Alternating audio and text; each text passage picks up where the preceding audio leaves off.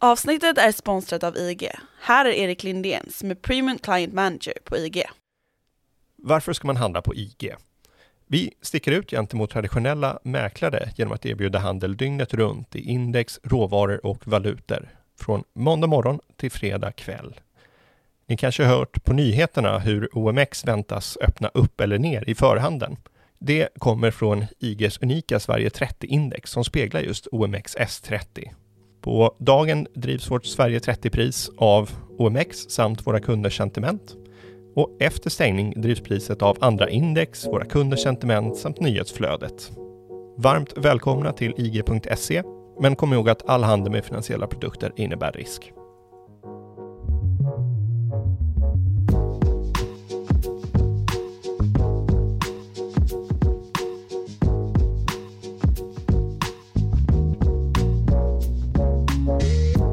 Subsahariska Afrika kommer se den lägsta tillväxten av alla regioner globalt under 2021 när världsekonomin ska hasa sig upp på fötter igen ur spillrorna av coronans år 2020.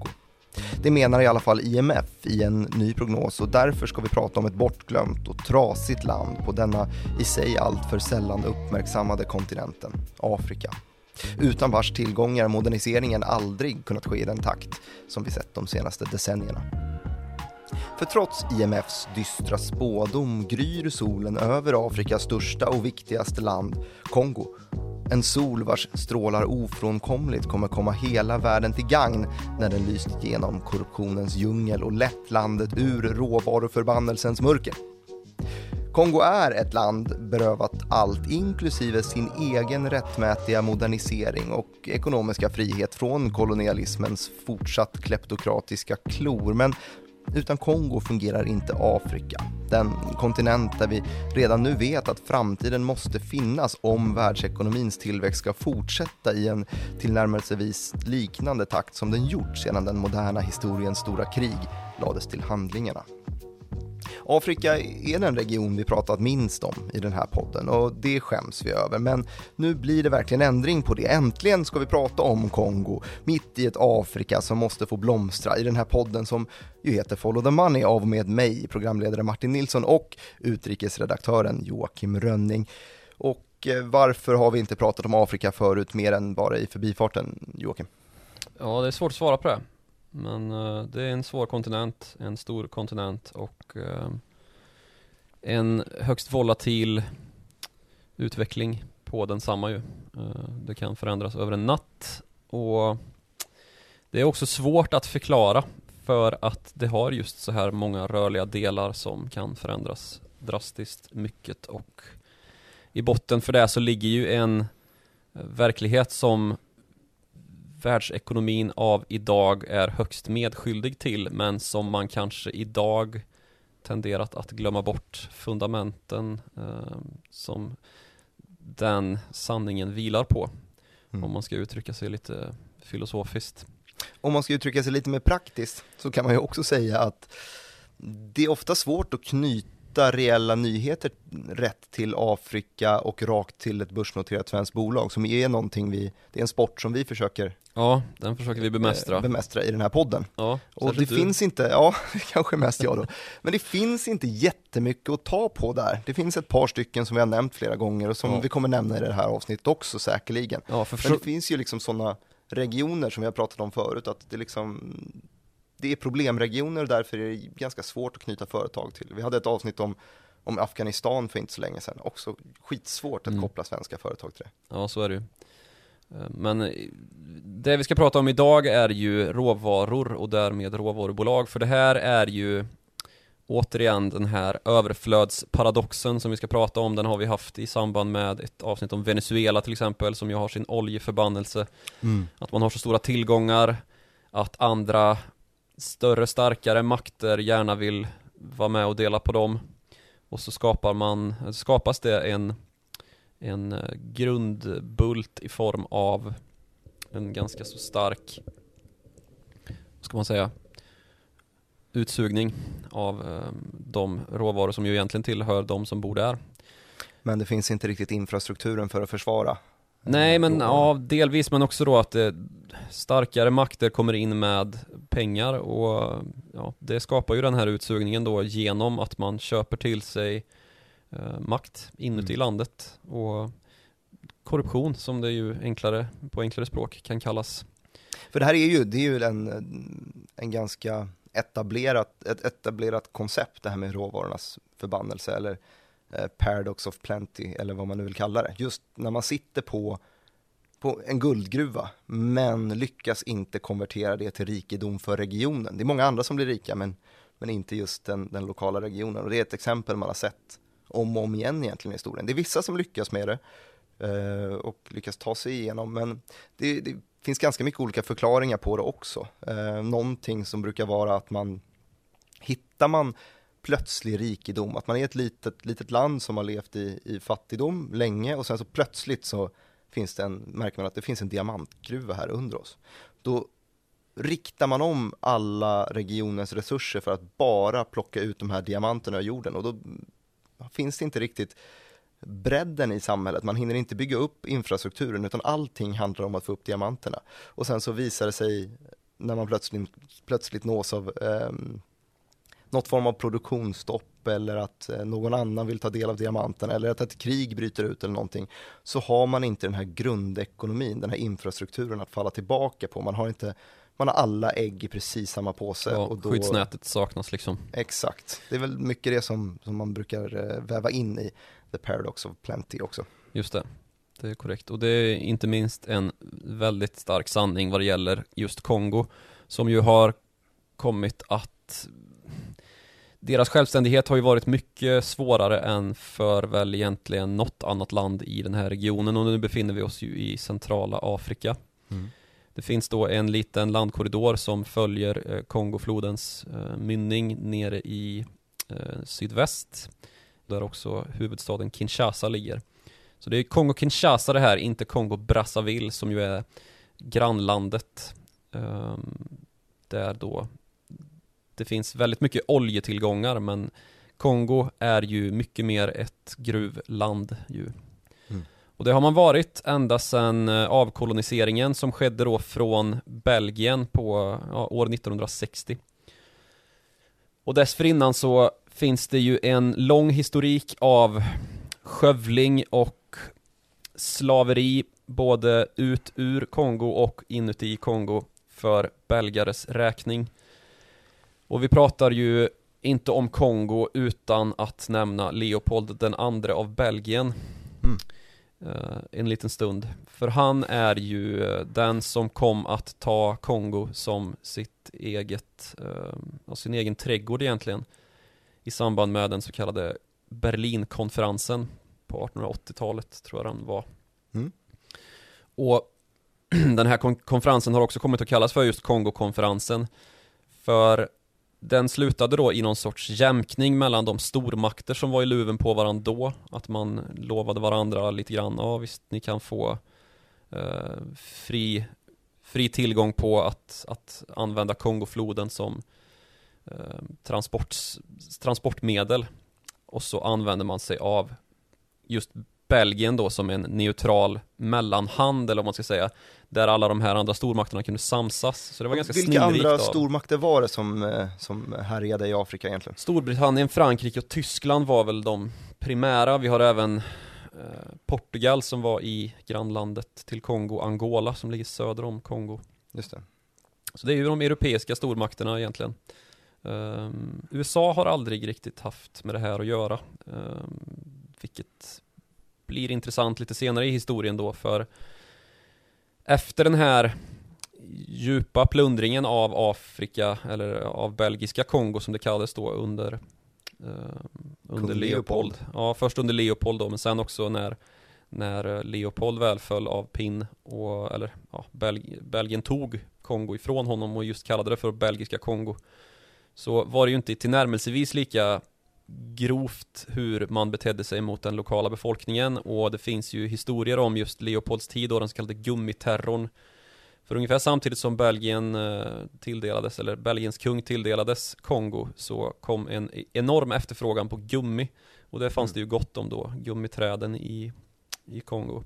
Det var deras första eh, resurs som Ja, eller den första sig. resursen var ju människor överhuvudtaget som skeppades till andra delar av världen för att arbeta på bomullsplantager i viss mån då, men eh, sen, sen var väl den stora boomen i efterfrågan på kongolesiskt utfunna varor, just gummit då.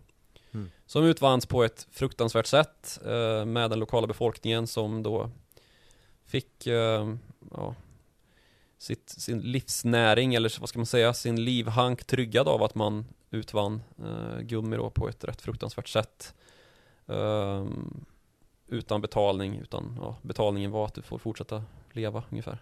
Men du, vad, om vi ska komma tillbaka till, jag vill fortsätta med historien snart, men Mm. vi, vi, i inledningen här så, så rabblade jag eh, IMF-rapporter om pandemiåterhämtningen. Vad, vad är det som, eh, Kongo har ju varit eh, uselt eh, sett till tillväxt ganska länge. Eh, vad är det som, som gör att de, de är illa däran just nu? Alltså det, det man lyfter fram i den här rapporten från IMF är ju just eh, problematiken kring att det, det finns ingen tillräckligt stark administration. Kongo är ett kaos. Det, det har aldrig funnits en fungerande statsapparat med eh, ja, myndigheter som ska få landet att samordna och samverka. Och det här blir, det, blir ju svårt att dela ut stödlån till eh, de liksom, lokala bönder i, i eh, säg, ehm, ja, vilken del av Kongo du än väljer. Mm. Eftersom att det, man har helt enkelt inte kontakt med dem. Det, det är ett enormt land och med enorma tillgångar men där samordningen helt enkelt inte fungerar. Och då får just ehm, när det finns då ett, eller när det har brutits ekonomiska förbindelser så blir det ju etter värre att återupprätta dem igen då. Mm. Ehm, och när man inte kan göra det på ett samordnat sätt. Och det här blir väldigt, väldigt tydligt då i, i en pandemi där, man behöver hjälp med återhämtningen så, så har övriga länder lyckats på något sätt förse stöd. Ja, precis. Och dessutom då så har man ju de direkta effekterna av pandemin, liksom att det, att det sprids ett virus Mm. eh, som det inte går att samordna kring och kommunicera kring hur man ska tackla det helt enkelt. Så risken är ju att den här regionen drabbas värre än vad andra länder gör. Det finns ju många variabler i den dynamiken naturligtvis, så som klimat till exempel, som, som kan påverka. Men eh, ja, det har ju ställts lite på ända det där också med hur klimatet påverkar, för man har ju sett då att Indien inte att man klarade sig undan i den första och andra våg när den löpte på övriga, eller i alla fall i västvärlden, så kommer den här vågen nu då istället. Och ja, det är svårt att se hur de här årstidsväxlingarna påverkar och dylikt, men eh, jag tror att det överhuvudtaget är svårt att säkerställa hur det egentligen går med pandemispridningen och pandemiåterhämtningen i subsahariska Afrika subsahariska Afrika just på grund av då att det är svårt att kommunicera, det är svårt att hålla koll, Mm. eh, det är svårt att, det finns inga styrmedel helt enkelt, eh, eller i alla fall inga, inte tillräckligt bra. Inte den typen av krisberedskap som man Nej, ser i absolut inte exempelvis, ju, vad har vi topp i den listan, Israel eller som i ständigt krigsberedskap och ja, där har man lite andra. skicka ut vaccin på, på millisekunder. Dels visst. också norpa åt sig en, en ganska stor Ja, eh, kasse med vaccin eh, ganska tidigt, men också just det här att man kunde administrera det så otroligt effektivt och snabbt. ja, men ja, precis. På tal om koloni kolonialism så sket man ju i att ja, vaccinera palestinierna, men det är väl en annan fråga. Mm. Ehm, och där har man ju lite nya bekymmer as we speak. Just det. Men i alla fall då, om man ska lägga gummiterrorn till handlingarna där det utövades ofantliga människorättsbrott och utrotning av um, det folk som levde i Kongo då. Det är uppskattat då att ungefär varannan kongoles, alltså befolkningen, sjönk med, eller halverades under Leopolds styre då. Så överlämnades det till Belgien och där fortsatte ju Kongo att vara en, en koloni till Belgien ända fram till 1960 då. Där till slut några eh, eh, kongolesiska politiker åkte upp till Bryssel för ett i princip ett förutsättningslöst möte som slutade med att de här kongoleserna var bra mycket mer samordnade än vad belgarna, de belgiska politikerna väl hade räknat med. Så det här runda bordssamtalet, table ronde, slutade med att eh, Patrice Lumumba, en av de stora starka lokala politikerna i Kongo, eh, lyckades få igenom sin vilja då att eh, göra Kongo till en självständig stat på bara några månader. Det här är då 1960. Ja, och i, det var väl i juni 1960 som, som Kongo då blev fritt. Och då efter en maktöverföring som sköts på bara några månader i ett sånt här enormt välde då som, som Kongo är. Och det saknades ju allt i Kongo då. Visst det fanns en del belgiska en del, viss belgisk administration då som var väldigt centrerad kring de belgisk eh, eh, belgisk ättade som bodde där, eller de belgisk inflyttade som bodde där och skötte deras industrier. Och det jordbruk som fanns i landet och det kom ju viss, till viss del till pass naturligtvis när man skulle försöka administrera riket under den nya ledningen då med Patrice Lumumba i spetsen. Men det var ju inte tillräckligt och ganska snart så blev det ju väldigt tydligt då hur eh, det infrastruktursystem som fanns var upprättat just kring att sköta den, de belgiska intressena. Och man hade helt enkelt inte haft tid att upprätta egna myndigheter, det fanns ingen centralbank, det fanns inget polisväsende um, som var välordnat och ganska snart så gör militären också uppror och då tappar man ju allt vad styrmedel heter. Så då menar du alltså att de spelade rätt in i vad jag berättade här om, om eh, resursernas förbannelse, att man hade Absolut. ägnat allting åt gruvorna då? Ja, och dessutom då när man hade förhandlat om de här gruvintressena då när belgarna skulle lämna Kongo så var det ju andra kongoleser än de som hade suttit vid det här runda bordssamtalet och lyckats bända loss sin självständighet från belgarna som då åkte upp till, baka till Bryssel för att förhandla om just de belgiska eh, nationalskatterna i form av då gruvor. Union Minière till exempel, ett gruvbolag som var väldigt etablerat i, i Kongo. Alla de här stora, alltså främsta ekonomiska resurserna tillföll då Belgien i en mycket högre utsträckning än vad som hade behövts då för att Kongo hade kunnat försörja sig självt eller skulle kunna ha försörjat, försörjt sig själv då med de råvaruresurser som finns i landet. Och dessutom så tillstöter ju ytterligare problem då när den region där alla dessa just eh, mineral och metalltillgångar ligger belägna, alltså i Katanga. Den region där eh, Kinshasa ingår, Mm. som då väl hette Elisabethville. Mm. Och även Kongo-Brazzaville då som ganska snart också det grannland som fortfarande är ett eget Kongo eh, bryter sig ut och belgarna flyr hals över huvud då från övriga Kongo för att komma undan. Man är ju rädd för att, eh, ja men lite liknande hur det ofta blir i eh, den här typen av, vad ska man säga, konfliktsituationer eller stora förändringar i länder där det finns olika befolkning. Att det blir migration så det heter duga. Det har vi ju också pratat om många gånger att sådana här flyttströmmar kan göra mycket med länder när det väl tar fart.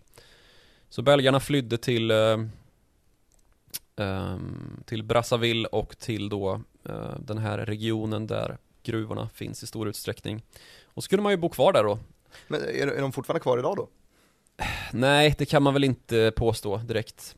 Och de, de intressen som finns i Kongo idag i form av gruvtillgångar då är ju eh, väldigt internationaliserade. Det är, jag tror det är runt 70% av eh, världens kobolt till exempel, som ju är en väldigt, väldigt viktig resurs för moderniseringen som, vi, som du nämnde i introt. Mm. Det kommer alltså från Kongo, Kinshasa, eller Demokratiska republiken Kongo som det också kan kallas. Mm. Och det är inget annat land som kommer i närheten av det alltså. Det är väl något land som, jag tror Ryssland kommer väl upp i typ 5% av kobolt eh, gruvproduktionen. Så Kongo är enormt i form av de här metalltillgångarna som man då utvinner. I form av andra internationella bolag väldigt mycket. Glencore, brittiska Glencore är ett sånt bolag som köpte in sig i väldigt stora kobolttillgångar och Just det, kobolt är just det som används i litiumjonbatterier. Ja, precis. Och det är ju en resurs som är väldigt, väldigt eh, svår att utvinna utan att det fläckas då av barnarbete och vidriga humanrättsvillkor. Kommer det sig att det alltid är gruvbolagen som, som hamnar i den här skiten? Det känns som att det är alltid smutsiga industrier. Ja, Är det just det att man kommer så nära råvarorna att man får Alltså- den här förbannelsen på sig? Jag tänker nämligen på det ett, eh, jag såg en dokumentär här i, i mars om eh, ett, ett, en gammal händelse och det har ingenting med, med Afrika att göra i sig utan det har med, med Sydamerika att göra istället. Det var svenska Boliden som då, eh, ja, men utanför, utanför Skellefteå, eh, Skellefteå ehm, som idag är stora zink och koppar framförallt ju. Också stora elektrifieringsmetaller, koppar framförallt ju. Ehm, men just att de under 80-talet så, så ehm, gick de, eh, kom de överens med ett, ett chilenskt bolag och 80-talet, Chile, det är ju militärdiktatur, det är Pinochet. Pinochet ja. Ehm, så att man, eh, man insåg att det här företaget skulle kunna ta hand om ens restprodukter från gruvvinningen väldigt mycket billigare än vad man kunde göra här hemma i Sverige. Eh, sagt och gjort så skeppar man stora båtar med, eh, med det här avfallet då, våtverksslammet över till, till Chile och sen så när man väl är på plats så eh, kommer det fram då att det här bolaget inte kanske eh, kunde ta hand om det här avfallet på det sättet som man hade eh, annonserat, att man inte eh, klarade av att sköta sin uppgift helt enkelt. Så spola fram några år så ligger det bara stora grushögar med, med gammalt, gammalt gruvavfall i den här lilla, lilla byn i Chile. Och, och samtidigt så växte den lilla byn som, som råkar heta Arica och eh, hus byggdes precis intill, allt närmre de här grushögarna och barnen lekte i de övergivna grushögarna och trist nog så innehöll de ju då också eh, extremt höga halter av, av arsenik och många människor blev plötsligt rejält sjuka och arsenik är ju, är ju cancerogent så det, så det smäller om det. Så att eh, eh, en rad olika, en katalog olika cancerformer blev plötsligt extremt eh, vanliga i, i den här lilla, lilla byn.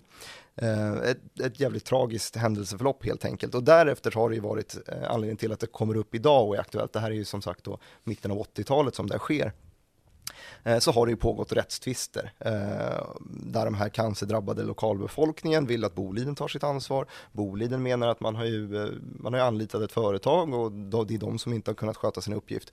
Eh, och det är väl den linjen som domstolarna håller med om eh, hittills i alla fall, just Bolidens sida. Och så blir det ju ofta. Mm. För eh, de har ju råd med Mannheimer Swartling och jag vet inte vad eh, lokalbefolkningen har råd med för advokater direkt. Ehm, men just det här när man kommer så pass nära resurserna eh, och samtidigt som man har någon form av globalisering där de internationella juridiska nätverken liksom inte överlappar varandra. Man vet ju inte, ska man dömas i chilensk domstol, ska man dömas i svensk domstol, finns det någon internationell som kan ta hand om det här? Man kommer i ett jäkligt märkligt vakuum och det känns som att det är väldigt likadant när man hamnar även i ja, men den här typen av moderna kolonialisering som ju är, alltså det är ju det är inte så länge sedan, 1960-tal i Kongo liksom. Eh, och de här gruvorna fortsätter ju där. Och att det pågår då eh, eh arbete som inte uppfyller kraven på mänskliga rättigheter i andra länder men som västerländska bo, eh, bolag utnyttjar och tar del av. Men det går inte riktigt att peka på vems ansvar det är och därför går alla fria istället bara. Ja, det finns ju hur mycket rapporter som helst i det här med konfliktmineraler, dit räknas väl inte koppar. Där det ju framgår då att mycket av den här produktionen av kobolt till exempel är ju inte märkt som att den är från Demokratiska republiken Kongo utan från någon annanstans och det är ju för att man har flyttat ut den innan man säljer den och korruption helt enkelt. Mm. Att man skapar lite mellanhänder och så roffar åt sig av vinsten själv. Men om vi skruvar tillbaks klockan lite grann till då när belgarna precis har lämnat och den Kongokris som då uppstår när Katanga bestämmer sig för att bryta sig ut under eh, Moist Tshombe som den eh, upprorsledaren hette. Mm. Så kommer ju det här också att in, eh, vad ska man säga, involvera en av våra största svenska diplomater genom alla tider, Dag Hammarskjöld som då är alltså FNs generalsekreterare sedan ett par år tillbaka. Känd för tusenlappen Just det. i modern tid. Ja, Mm. Ehm, för Lumumba då, som styrde i Kongo som premiärminister, var väldigt besviken på att ehm, det hade blivit på det här viset att då Katanga med sina rika mineraltillgångar hade kommit att låta sig övertalas av belgarna så som han såg det och helt enkelt göra som ju rika regioner har en tendens att göra även i våra dagar, typ i Katalonien där det ju är samma princip att eh, väldigt stor del av bruttonationalprodukten kommer från Katalonien i Spanien och då är det en av, eh, vad ska man säga, de största vedklavarna i frågan om att tända en, vad ska, vad ska man kalla det, en nästan inbördeskrigsliknande konflikt där man då vill bryta sig loss och sluta betala för andra spanjorer. Nu är det ju Mm. olika kanske inrikespolitiska lägen och läger som ligger bakom det här. Mm. Men ta- katangeserna då var väldigt eh, måna om att låta de belgiska gruvintressena fortsätta styra då. Som att det var en ganska så välnärd provins på det. Och Mm. dessutom då där det fanns en hyfsad infrastrukturell eh, upprustning redan genomförd då för att försörja de här gruvorna. Så som Lumumba såg det så var ju de förrädare mot det övriga Kongo naturligtvis. Mm. Och det här utmynnade ju då i den konflikt där Lumumba, Lumumba ville att USA skulle göra någonting först och sen så tydde han sig till FN som också slog dövörat till och då vände Lumumba blicken till Sovjet Mhm. och eh, Nikita Khrushchev som då var ehm, styrande i Sovjet. Och det här slutade ju i den så kallade Kongokrisen där vi ju faktiskt också hade svenska soldater involverade och där Dag Hammarskjöld också dog under väldigt mystiska omständigheter. I samband med då att han var på väg till ett möte med just Moise Tshombe då, som var den här separatistledaren i Katanga. Mm. Väldigt mystiskt hur det gick till och det finns ju misstankar om såväl belgiska jaktflygplanspiloter som fått olika order att skjuta ner Dag Hammarskjölds plan och det, fan, det finns till och med så, det är till och med så att det förmodas finnas ett svar på vad det var egentligen som hände i ett eh, CIA-arkiv någonstans. För att då ehm, belgarna, liksom amerikanerna naturligtvis, var på västs sida i fråga om att ja, om Lumumba ställer sig på Sovjets sida så, så är det klart att vi inte kan åtlyda honom. Mm. Lumumbas saga var också all ganska snart efter den här eh, självständighetsförklaringen där han hade inlett på ett ganska så bombastiskt sätt med att i princip skälla ut belgiske kungen vid den här överlämningsceremonin i ett oerhört mäktigt men kanske inte så smart tal Mhm där han då går tillbaka hela vägen och kallar Belgien för en brodersnation men att Kongo ur belgiska ögon knappast har varit att betrakta som en, ett broderland eller ett broderfolk och att man inte ska glömma alla de liv det har kostat då den här kolonialistiska historien.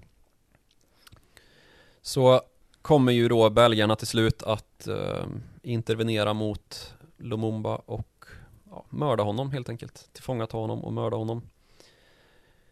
Och efter det så följer ju 30 år egentligen av kaos och dysfunktionellt inbördeskrig i Kongo under Mobutu. Mannen med leopardmössan. Mm. Eh, som man har, kan man googla på. En man med väldigt lustig hatt som man brukade gå omkring i. Dråpligt nog. Men nu då, som sagt, vi har ju lite grann förutsett att eh, Afrika någon gång kommer att börja fungera. Och då genom att Kongo börjar fungera bättre. Det är ju så att det är i Afrika som tillväxten finns. Mm. Eftersom att det är på en sån oerhört låg nivå nu. Om man jämför då Kongos BNP idag jämfört med hur den såg ut när eh, kongoleserna fick tillbaka sitt eget land egentligen 1960 så är det 40% av den nivån. Så landet har inte bara stått still eller inte moderniserats, det har antimoderniserats. Vad blir det? Ret retro Ja, vad, tänk, vad tänker du hitta på för ord här? ret retroiserats. Vi- vi- alltså vi det har gått det har tillbaka minskat. i utvecklingen. Och eh, lite mer moderna jordbruk då som fanns under Belgiens tid har ju blivit kassavaplantager, alltså enkelt och man har gått från i alla fall någon form av teknologisering av jordbruket med maskineri Mm. till då hacka och spade igen liksom. Mm. Och det är ju inte på något annat sätt än att ett land med så här stora tillgångar och så här mycket människor framförallt men också så här mycket fattigdom står på en väldigt låg nivå och har en enorm potential ju. Mm. Och trots då att IMF skickar ganska så trista prognoser så, så har precis den första fredliga maktöverföringen sedan självständigheten 1960 ägt rum. Och det var då 2018 som eh, Felix Tshisekedi vann valet och upprättade en koalitionsregering som nu styr över Kongo eh, sen 2019 då när maktöverföringen var klar. Och han tog över efter Josef Kabila som också han var väl allmänt sett tog vid där Mobutu slutade som korrupt eh, envåldshärskare. Så vad är utsikterna för den här nya då, Felix?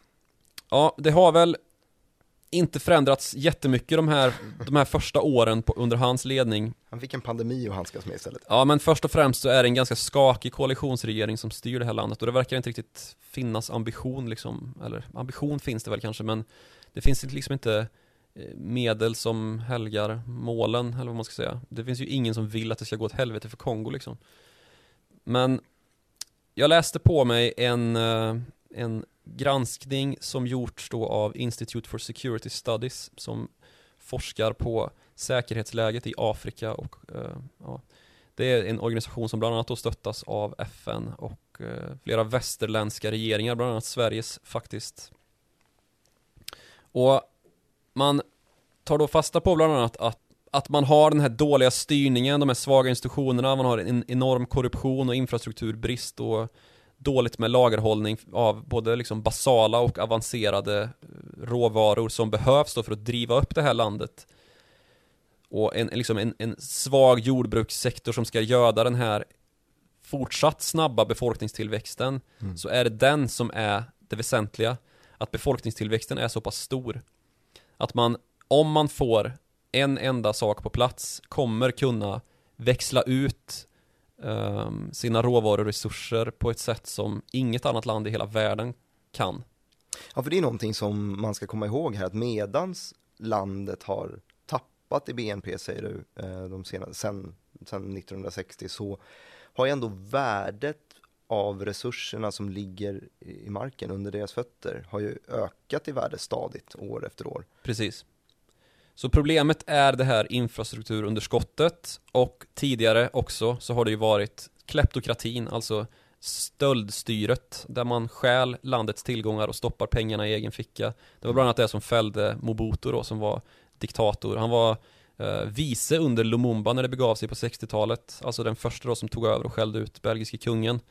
Han var vice under honom eh, och lyckades klättra från ingenstans i princip. Och sen så Eh, föll han på en Toblerone-affär. blev galen kan man säga. Galen och maktgirig och storhetsvansinnig. Och det slutade med att han stal miljarder och stoppade i egen ficka lite för uppenbart. Och då kom kuppen. Mm. Och till slut så blev han vält av ehm, av tronen och dog i Marocko några år senare. Mm. Som utlämnad då, eller ja, ska man säga, i exil. Men det som då ska lyfta Kongo är en, ett, en åt, ett åtgärdande av det här infrastrukturunderskottet som man då lever med. Och det är det mest kritiska problemet, men på ett positivt sätt ändå så kan det här enkla problemet att lösa, lösa allt.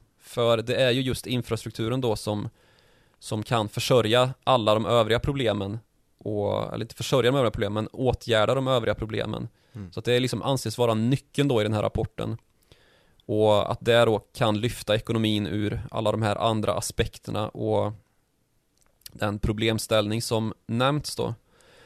Och när vi idag pratar om infrastruktur och Afrika, vad är det vi brukar prata om då? Om inte ett stort land, ett annat stort land i öst Mm. som heter Kina. Just det. Eh, som ju i sin tur har haft en helt fenomenal tillväxtresa de senaste 30 åren ju.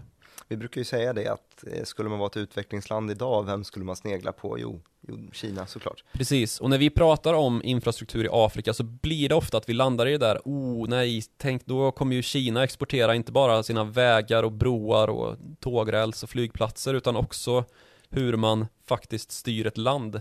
Och eh, Post och telestyrelsens förhatliga 5G-utrullning av, av Huawei kan ju hamna där nere också. Det kommer det ju göra i så fall ja.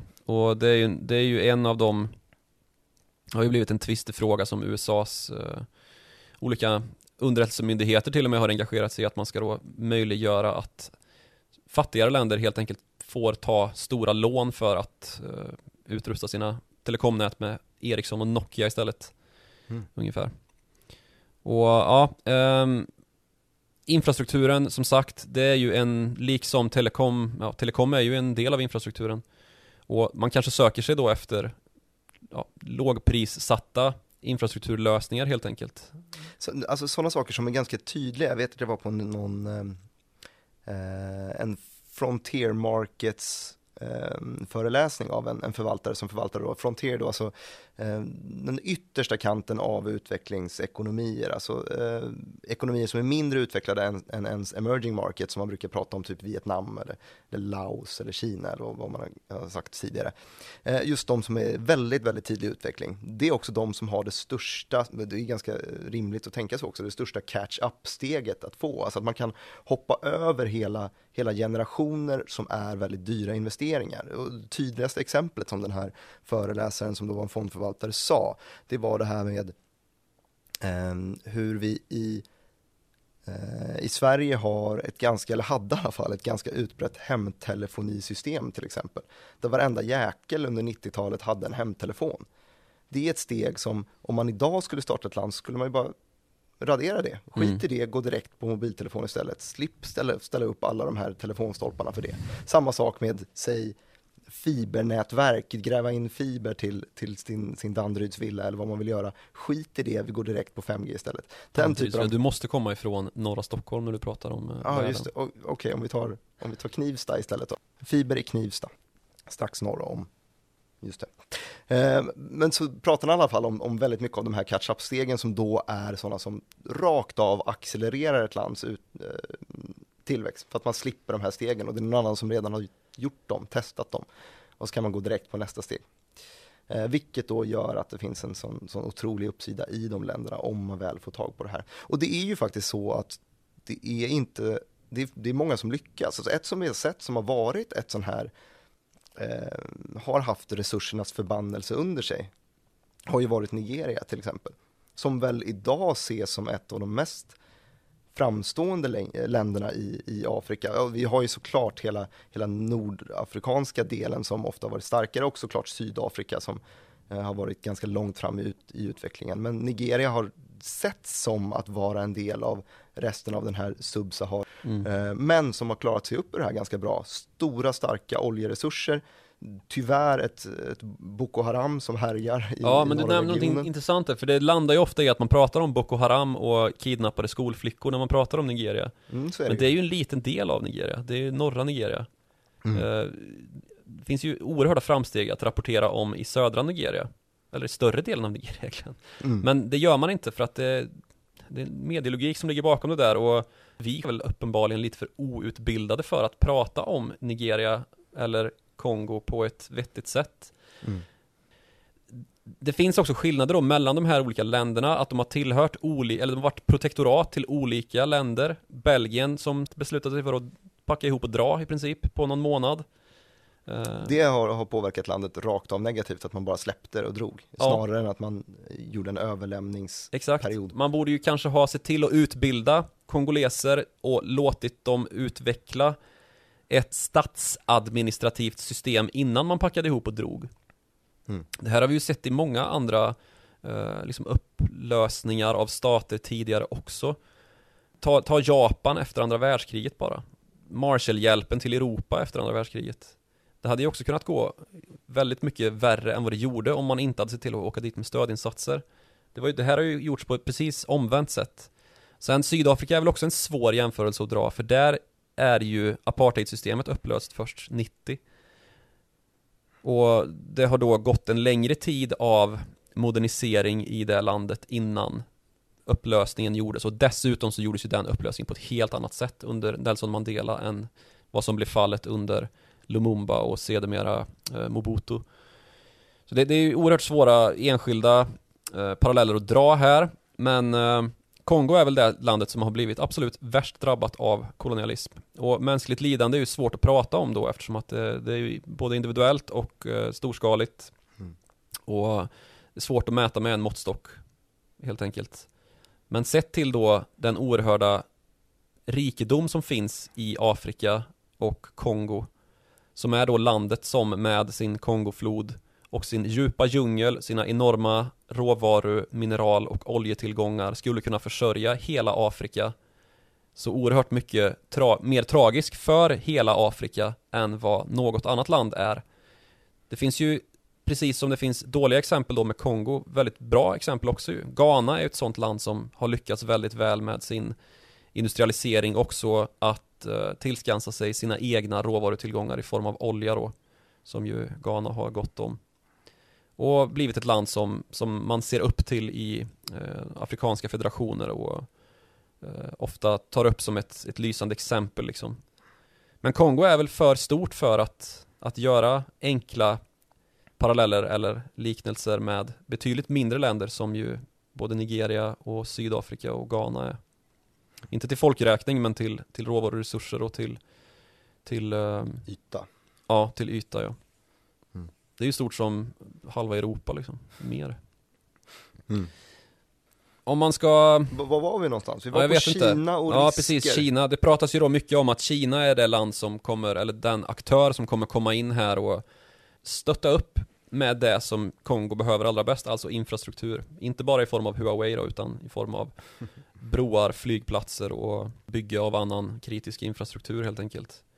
Och att de ska i sin tur exportera ett, ett uh, statsskick då med det, som är kommunistiskt. Uh, någon sorts hybrid kommunism, kapitalism, Mm. som ju ehm, har sina problem naturligtvis. Men Kina är ju ett land som har farit fram i oerhörd takt de senaste 30 åren som sagt. Efter eh, liberaliseringen och inträde i världshandelsorganisation och annat. Så det är klart att det tittas åt Kinas håll i sådana här länder som Kongo. Och varken Kina eller Kongo är ju särskilt, eh, alltså det kommuniceras gärna när ledarna för de här två länderna har haft ett litet sammanträde i form av telefonsamtal som sker väldigt, eh, vad säger man, regelbundet. Felix eh? Tshisekedi och och Xi Jinping, Jinping. precis. Mm. Och det handlar ju om att bygga landet eh, Kongo som en del av den, eh, denna nya sidenväg som ju vi pratat till leda om. Känns som ett eh, geografiskt svår punkt för att vara en del av sidenvägen. Ja, och det är ju någonting som många slår tillbaks på då och det finns ju naturligtvis så att det är inte så att slaget om att upprusta Afrika eller Kongo, om det nu ska vara ett slag om det är eh, avgjort till Kinas fördel då och att det faktiskt kommer bli ett kommunistiskt, kommunistkapitalistiskt välde av det. För det används ju naturligtvis av Felix Tshisekedi som ett, en hävstång mot andra länder. Som sagt, det verkar ju också som att den här typen av rörelser eller dynamiker har påverkat andra länder att agera för att, vad ska man kalla det, billiggöra infrastruktur då gentemot fattigare länder. Alltså som det här förslaget från amerikanska myndigheter om att eh, upplåta i princip gratis lån för att utrusta telekomnät med um, västerländska operatörer, eller inte operatörer utan uh, uh, telekomleverantörer uh, istället för att låta Huawei åka dit och konfiskera all data på vägen dessutom. Så det här är ju en, Låter som risk för proxykrig igen bara. ja det är ju verkligen det är proxykrig som vi har pratat om i form av då att man använder sig inte bara av vapen utan eh, alltså vapen som stridsvagnar och gevär utan också företag. Det är ju verkligen risk för det. Och det är ju risk för en ny sorts kolonialism här också ju. Och det här är ju därav en, en svår fråga att prata om. För att det blir som någon sorts ekonomisk kolonialism som kanske är lite mer mänsklig men ändå kolonialism. Samtidigt som man pratar om Black Lives Matter och det är ju också en sak som gör att Alltså vi har ju hanterat vår efterkolonialism på ett bedrövligt sätt ju.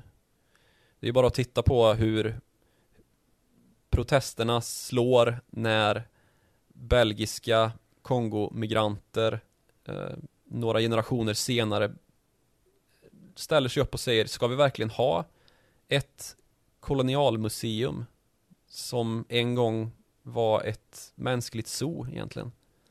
Som stängdes för bara några decennier sedan. Ska vi ha det som, som en liksom nationell stolthet? Ska vi inte liksom sätta det här i sin kontext istället? Ska vi verkligen ha statyer på Leopold II? Som lät sina legoknektar fara upp och ner längs Kongofloden och avrätta svarta och få liksom utbyta daglöner mot rökta svarta händer för att kunna kvittera in sin lön då för varje hand så skulle man också ha en eh, tömd patronhylsa så man inte slösade på ammunitionen. Det är bestialiska liksom saker som har hänt i historien som inte är supergamla ändå. Mm. Men som man helt har valt att släta över liksom. På precis samma sätt som, som det finns uh, jämförbar debatt eller det uppstår liknande rörelser kring då när man i USA bestämmer sig för att vi ska nog inte ha statyer på Robert E. Lee då som var den ledande sydstatsgeneralen i eh, inbördeskriget där om att eventuellt släppa slavväldet. Det är ju exakt samma sak som, som då hände eh, som ledde till de här Charlottesville-upploppen i, i USA, när var det? I början på Trumps eh, regenttid, mm. 2017 eller vad det var. Så vi, vi har ju därigenom också via den här historieförfalskningen som det ju nästan handlar om, eller den enorma naiviteten till vår egen historia i form av västerlänningar, hur vi har plundrat Afrika och hur vi fortfarande vägrar att erkänna att det faktiskt hände. Och tillmäta den frågan tillräckligt stor vikt så att vi faktiskt kan få en, inte liksom en efterkolonialisering, eller vad ska man säga, en avkolonialisering är väl bättre ord. Från den punkten där vi gjorde det här och drog nyttan av det och fortsätter göra det. För som sagt, den modernisering som vi har gjort hade varit omöjlig utan Kongo i den takten. För som sagt, 70% av den kobolt som används för att utveckla smarta mobiltelefoner som vi sitter och pillar på 18 timmar per dygn eller de bilbatterier som ska nu föra fram världen ut ur en koldioxiddimma mm. Samtidigt som landet där vi har uttömt alla de här resurserna står kvar i extrem fattigdom och fortfarande kolonialiseras ekonomiskt. Något, eh, någon särskilt tydlig ansvarsbild om vem som ska ta hand om den här röran som fortfarande skapas då. Det är fortfarande som du, som du nämner, ja men Glencore till exempel, samarbete med, med belgiska, belgiska gruvbolaget som fortfarande är aktivt där nere. Vi har mängder med olika svenska eh, gruvbolag som härjar i, i Afrika och eh, ja. historien om, om Boliden och Chile och eh, Lundin och Sudan, det är Lundin inte så långt därifrån. Nej, det, det, har du rätt i och det är, det är svåra, även om det inte finns någon, någon, någon, det går inte att peka rakt på någon och säga att de, de har fel eller rätt. Eller ja, jo, det har väl vissa domstolar lyckats göra till och med. Men, eh... Men den historiska skulden är ju för stor för det. Mm. Det är ju en för stor, det är ett för stort brott som har begåtts här för att man ska kunna peka på någon enskild och då får man ju sätta det i ett system istället. Och det system det hör hemma i är ju kolonialismen, imperialismen, slaveriet och uttömningen av Afrika, plundringen av Afrika. Den är som tydligast i Kongo. Det är den fortfarande. De konsekvenser som det leder till i de här enormt långa kedjeeffekterna där generationer traumatiseras och barn inte får gå i skolan. Det finns en enorm eftersatthet i de infrastruktursystem som ska rädda landet och ständigt pågående gerilla eh, stridigheter mellan olika folkslag. Det har precis, eh, eller precis, ganska nyligen om man tar till den islamistiska terrorhistorien av idag så har det ju ganska så sentida dykt upp en IS-liknande milis i nordöstra Kongo. Alltså den djupaste djungeln. Där det liksom uppstår ett nytt hot då av den totala destabilisering som har skett under så här lång tid. Så Även om det måste ske en ljusning i Afrika och över Kongo Att liksom solen måste nå sitt zenit förr eller senare och lysa igenom den här korrupta djungeln Det mörker som, som är i den historien som vilar just där Så tror jag i alla fall att den tiden kommer Ska världen fortsätta sin tillväxtresa som vi har gjort genom då kinesisk tillväxt de senaste 30 åren så är nästa anhalt faktiskt allt närmare Afrika i alla fall. Även om den inte är mitten av alltså Kongo och mörkrets hjärta som det har beskrivits i Joseph Conrads bok som väl är den som har gjort Kongo och det här väldet, det terrorvälde som under gummiterrorn eh, var gällande som eh, satte sin historiska kontext tidigast och bäst så, så kommer dagen gry. Men, eh, men det får fortfarande dröja lite grann om man ska tro på IMFs eh, rapport där helt enkelt om pandemiåterhämtningen där de prickar in Kongo som eh, sämst. Mm. Eh, i återhämtningen. Och det var ju där vi började det här avsnittet. Eh, sämst eh, Kongo tyvärr i IMFs rapport om pandemiåterhämtningen och där landade vi in sen i en historieskrivning som började sent 1800-tal med eh, kolonialiseringen av Kongo och kung Leopold. Gummiterrorn har du precis nämnt och de olika förbannelserna av resurser eh, i Kongos fall då både kobolt idag och koppar väl och Eh, allt möjligt. Ja, men guld, diamanter, olja, you name it. Eh, men just eh, kobolt och koppar är ju nyckelmetaller i elektrifieringen som vi har pratat om väldigt mycket tidigare. Jag tror att det är väl Tesla som har tecknat avtal med Glencore för, för inte så länge sedan. Jag vet inte, någon... man har ju också varit i färd med att försöka forska fram så att man kan ha litiumjonbatterier utan kobolt för att just komma undan det här med barnarbetshänder på varan eh, och sådär. Då drar jag tillbaks det där ja, uttalandet i alla fall. Det, ja. Sen så kommer vi i alla fall till de olika den här problemen kring att Eh, hamna i eh, olika juridiska sfärer. Jag berättade en historia om en dokumentärfilm som släpptes här i mars 2021 om, om Arika och Boliden till exempel, som inte har någonting med Afrika att göra överhuvudtaget, men som i alla fall speglade in lite, lite ansvarsproblematik när världen blir global. Eh, du pratade väldigt mycket kleptokrati, men att det kanske var ett slut på sån när Felix Tshisekedi eh, tog makten 2018, sa du? 19 kanske? Han tog nog makten, makten 2019, men jag tror valet var 2018. Eh, och att det då kanske finns någon form av eh, slut på eh, kleptokratin där och att när man blickar framåt så får man se om det är mot Kina som Kongo blickar då helt enkelt, för där har vi ju väldigt mycket att se upp till vad gäller BNP-utväxling eh, och utveckling rakt av. Eh, och vi pratade om de eh, proxykrigen till exempel som förs i världen då, till exempel genom att subventionera eh, telenätverk från västerländska operatörer och eh, för att sätta stopp på att eh, Kina tar eh, ett monopol där. Mm. Eh, vi pratade om, eh, om ett, ett blomstrande Afrika och framtiden där och lite riskerna med och den, den förkastliga historieskrivningen om vad kolonialismen har, har varit egentligen. Ja, och se till, får vi se till nu att vi inte får till en liksom kolonialism 2.0 här. Mm, det vore väl skönt faktiskt att kunna kunna slippa det. Eh, och med det så har vi ringat in ett ganska dystert avsnitt. Det brukar ju faktiskt kunna bli det ibland. Ja, men jag ska, jag ska säga då, innan du säger att ni kan nå oss på eh, snabela direkt Martin på Twitter eller snabela Joakim Running på Vad Twitter. Vad tänker du säga då?